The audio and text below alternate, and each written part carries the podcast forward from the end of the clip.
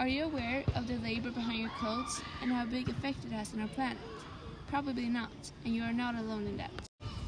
The clothing industry stands for as much as 10% of the greenhouse gases. Up to 79 billion cubic meters of water are consumed each year to produce clothing. We have grown up in a modern society where the mass production is normal. Therefore, we think it's everyone's responsibility to know the consequences of their doings. But not everyone take responsibility.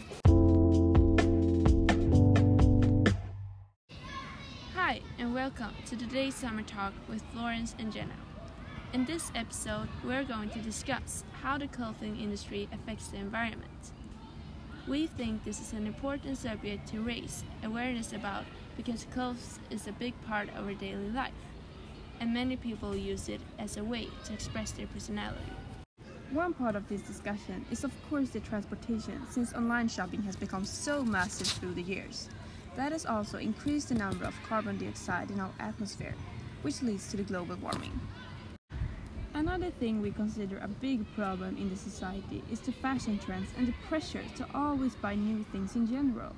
In connection with the social medias, it's easier for brands to promote their products, which leads to the consumers being tempted to buy new things. As mentioned earlier, a lot of people are not aware of the labor and the workers' conditions behind the brands. It's easier for us to buy cheaper clothes produced by unpaid employments rather than high quality products that's more expensive. The workers often have low living standards and a low payment. They're exposed for toxic chemicals while they're producing clothes.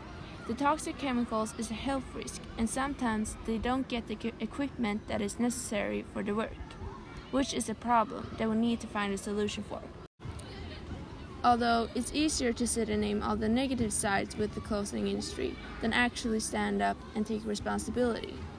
Therefore, we feel the need to mention the positive sides too, with other words, the solution.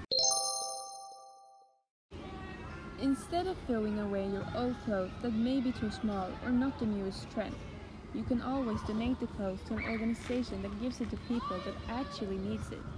Or you can donate it to a second-hand shop. You know what they say your trash is someone else's treasure. Secondhand is not only a place to donate clothes.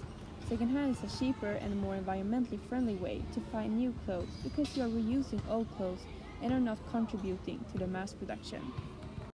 Another solution is to sew new clothes out of your old ones.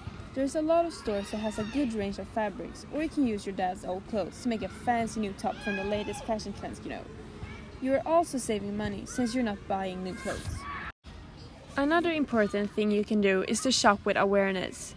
If you don't know how the clothes are produced and where they are produced, you can always ask the employments in the store.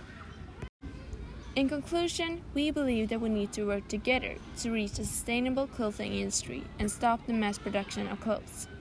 We need to be more careful about the Earth's resources and look over our consuming.